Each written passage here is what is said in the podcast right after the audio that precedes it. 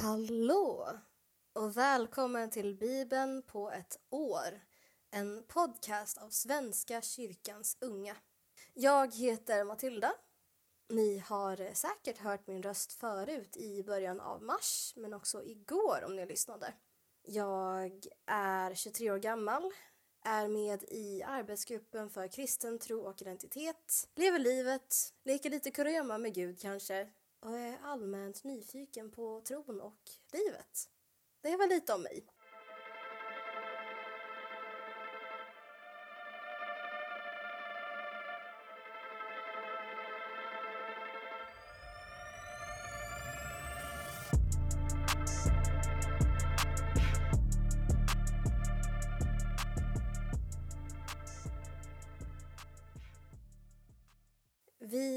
Ska fortsätta läsa idag ur Domarboken, Johannes evangeliet, Saltaren och Ordspråksboken.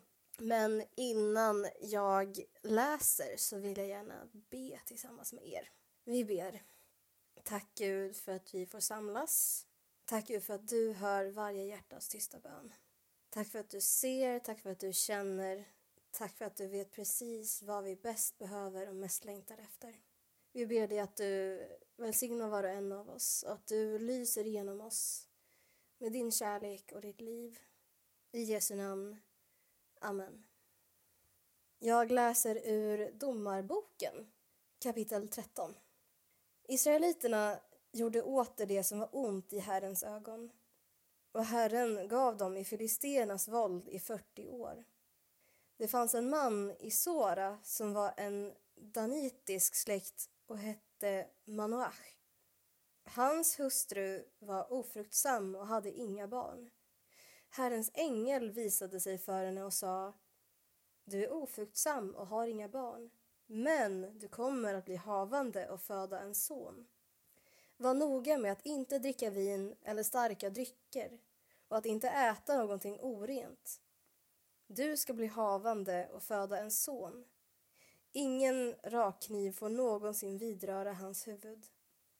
Pojken ska vara en Guds nasir redan från moderlivet. Med honom inleds Israels befrielse från filisterna. Kvinnan gick till sin man och berättade. Det kom en gudsman till mig. Han såg ut som en Guds ängel och fyllde mig med bävan. Jag frågade inte varifrån han kom och han talade inte om vad han hette. Han sa du kommer bli havande och föda en son. Du får inte dricka vin eller starka drycker och inte äta något orent. Pojken ska vara en Guds nasir från moderlivet ända till sin död. Då bad Manoach till Herren. Herre, låt Guds man du sände komma till oss igen och lära oss hur vi ska göra med pojken som ska födas. Gud hörde Manoachs bön och Guds ängel kom till hans hustru igen. Hon befann sig då ute på åkern, men hennes man Manash var inte där. Hon sprang genast hem och berättade för honom. Mannen som kom till mig häromdagen har visat sig för mig. Manoach följde med sin hustru och när han kom fram till mannen frågade han Var det du som talade med min hustru? Ja, svarade mannen. När dina ord har gått i uppfyllelse, hur ska då pojken tas om hand? Hur ska vi göra med honom? frågade Manoach. Herrens ängel sa Din hustru måste vara noga med allt det jag sagt henne. Hon får inte äta någonting som kommer från vinstocken, inte dricka vin eller starka drycker och inte äta någonting orent. Hon måste rätta sig efter allt som jag har befallt henne. Manoach sade till Herrens ängel Vi vill gärna be dig stanna så att vi kan laga en killing åt dig men Herrens ängel svarade Även om du ber mig stanna kommer jag inte äta av maten. Men om du frambär ett brännoffer skall du offra det åt Herren. Manoach visste inte att det var Herrens ängel och frågade Vad heter du? Vi vill hedra dig när dina ord går i uppfyllelse. Herrens ängel sa Varför frågar du vad jag heter? Mitt namn är ofattbart. Manoach tog killingen och matoffret och offrade det på en klippa som ett brännoffer till Herren, han som gör det ofattbara. Då lågorna steg från altaret upp mot himlen steg Herrens ängel upp i altarlågorna. Manoach och hans hustru såg det och de föll ner med ansiktet mot marken. Herrens ängel visade sig sedan inte mer för Manoach och hans hustru. Manoach förstod nu att det var Herrens ängel och han sa till sin hustru Nu måste vi dö. Vi har sett Gud. Men hans hustru sa Om Herren velat döda oss hade han inte tagit emot vårt brännoffer och matoffer och inte heller hade han låtit oss se allt detta och höra något sådant. Kvinnan födde en son och gav honom namnet Simson. Pojken växte upp och Herren välsignade honom. Herrens ande började ansätta honom vid Dans läger mellan Sora och Eshtaol. En gång gick Simson ner till Timna. Där såg han en filisteisk kvinna. När han kom hem berättade han det för sin far och sin mor. Jag såg en filisteisk kvinna i Timna, sade han. Ordna så att hon blir min hustru. Föräldrarna sa, finns det ingen kvinna i din egen släkt eller i hela vårt folk eftersom du måste gå till de oomskurna filisterna för att få en hustru? Simson sa till sin far, ordna så att hon blir min. Det är henne jag vill ha. Hans far och mor förstod inte att Herren låg bakom allt sammans, att han sökte strid med filisterna. Vid den tiden härskade filisterna över Israel. Simson gick ner till Timna med sina föräldrar. Just när de nådde fram till vingårdarna utanför Timna kom ett rytande lejon mot honom. Då föll Herrens ande över honom och han slet lejonet i stycken med blotta händerna som om det varit en killing. Men han berättade inte för sina föräldrar vad han hade gjort, utan gick vidare. Han talade med kvinnan och hon var den han ville ha. När han efter en tid återvände för att gifta sig med kvinnan vek han av från vägen för att se på det döda lejonet. Då fick han se att det fanns en bisvärm och honung i kadavret. Han skrapade ut honungen i händerna och gick sedan och åt av den under vägen. När han kom tillbaka till föräldrarna delade han med sig av honungen och de åt av dem. Men han talade inte om att han skrapat ur honungen ur lejonkadavret. Simpsons far gick hem till kvinnan och Simpson ställde till med en fest, så som de unga männen brukade göra. När folket såg honom valde de ut 30 unga män till bröllopsföljet. Simpson sade till dem, jag ska ge er en gåta. Om ni gissar rätt på den under de sju dagar festen varar ska jag ge er 30 linnerockar och 30 högtidsdräkter. Men om ni inte kan lösa den ska ni ge mig 30 linnerockar och 30 högtidsdräkter. Ge oss din gåta, sa de. Låt höra. Och Simson sa Från storätaren kom ätbart. Från den starke kom sött. Efter tre dagar hade de ännu inte kunnat lösa gåtan. Den fjärde dagen sade de till Simpsons hustru Locka din man att avslöja gåtans lösning för oss. Annars bränner vi inne både dig och din familj. Bjöd ni kanske hit oss för att ruinera oss? Och Simpsons hustru låg nu över honom med gråt och tårar. Du måste hata mig, sa hon. Du älskar mig inte. Du gav mina landmän en gåta, men du vill inte avslöja lösningen för mig. Han sade, jag har inte avslöjat den för min farmor. Skulle jag då avslöja den för dig? Hon låg över Simson med sin gråt de sju dagar festen varade. Och den sjunde dagen avslöjade han lösningen eftersom hon aldrig lämnade honom i fred och hon förde den vidare till sina landsmän. Innan solen gick ner den sjunde dagen sade männen i staden till Simson Vad är sötare än honung och vad är starkare än ett lejon? Och han svarade dem Hade ni inte plöjt med min kviga skulle ni aldrig ha gissat min gåta. Då föll Herrens ande över honom. Han gick till Ashkelon och slog ihjäl trettio män. Han tog deras dräkter och gav kläderna till dem som hade löst gåtan. I vredesmod vände han hem. Simpsons hustru giftes bort med den som varit ledare för bröllopsföljet. Ja, du.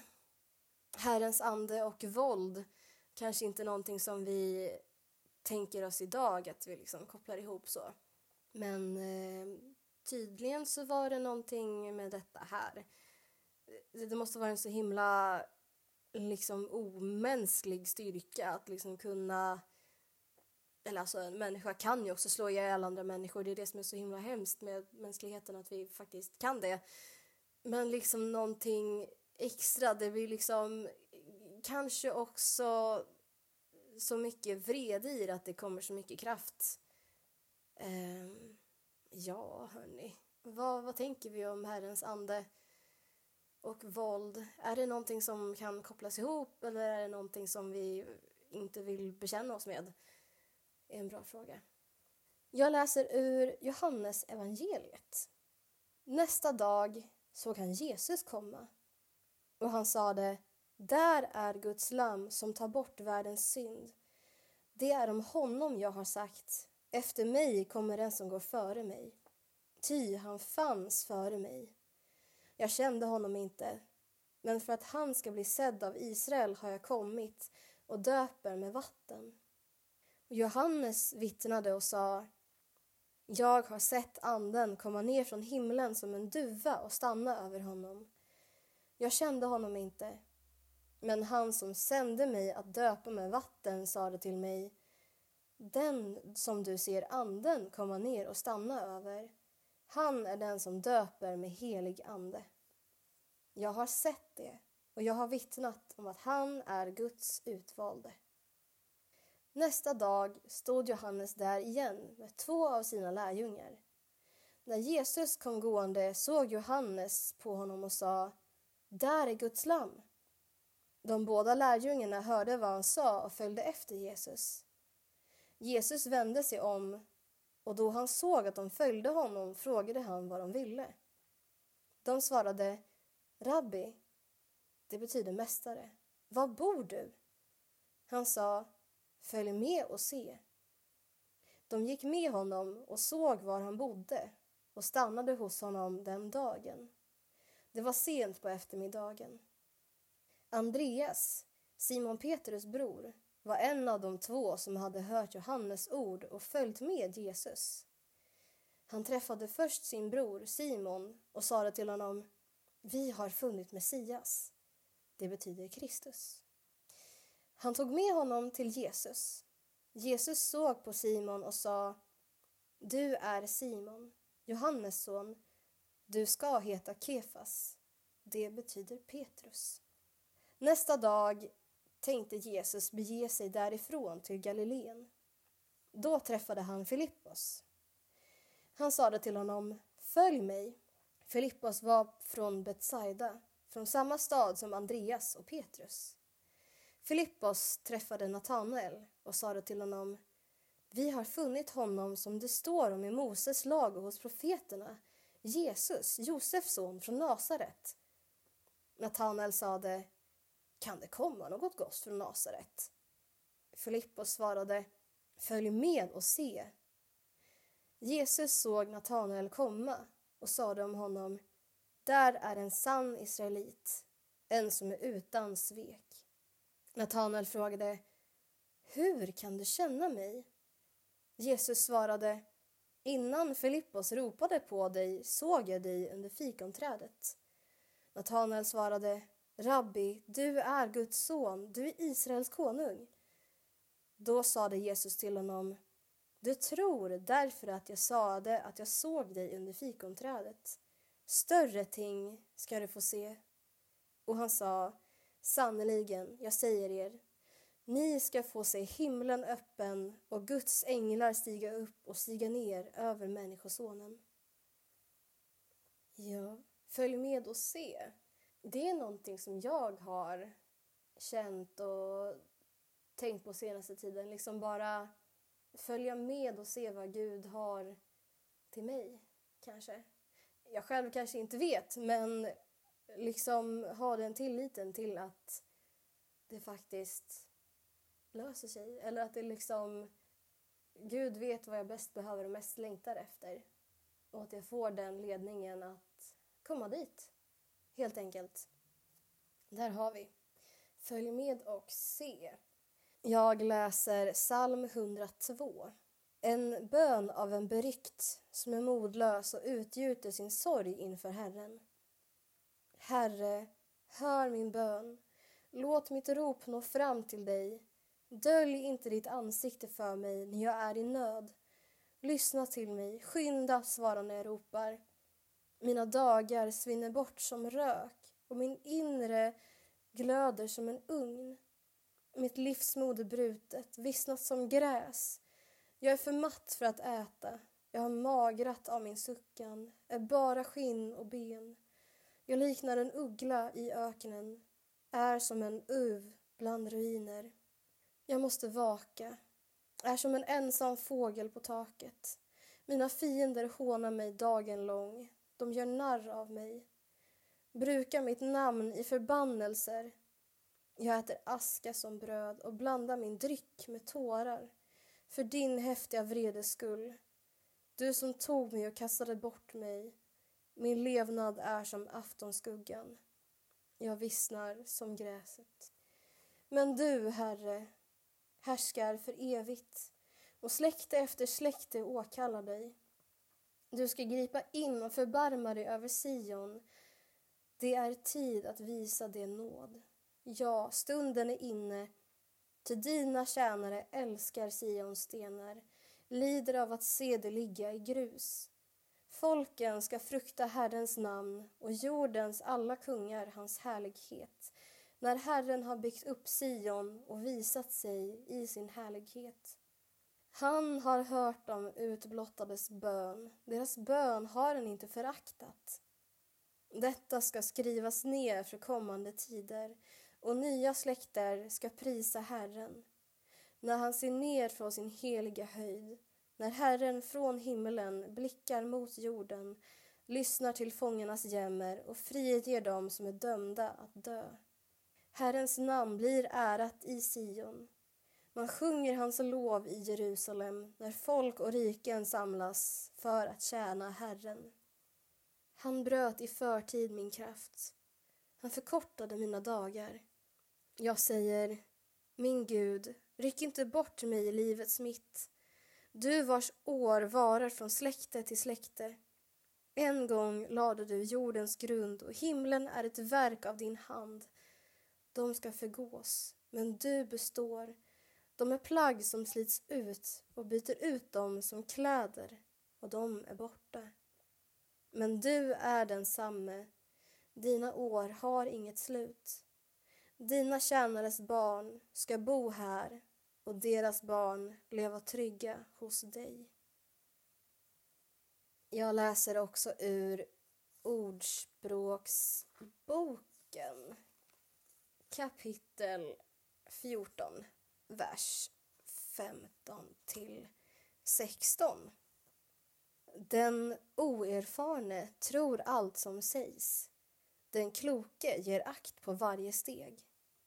Den vise fruktar och skyr det onda. Dåren trampar självsäkert på. Hmm, intressant. Den oerfarne tror på allt som sägs. Den kloke ger akt på varje steg. Den, den berörde mig idag. Spännande att se vart det för mig, så att säga. Tack för att ni har lyssnat. Vi hörs och ses imorgon igen. Au revoir, Guds frid.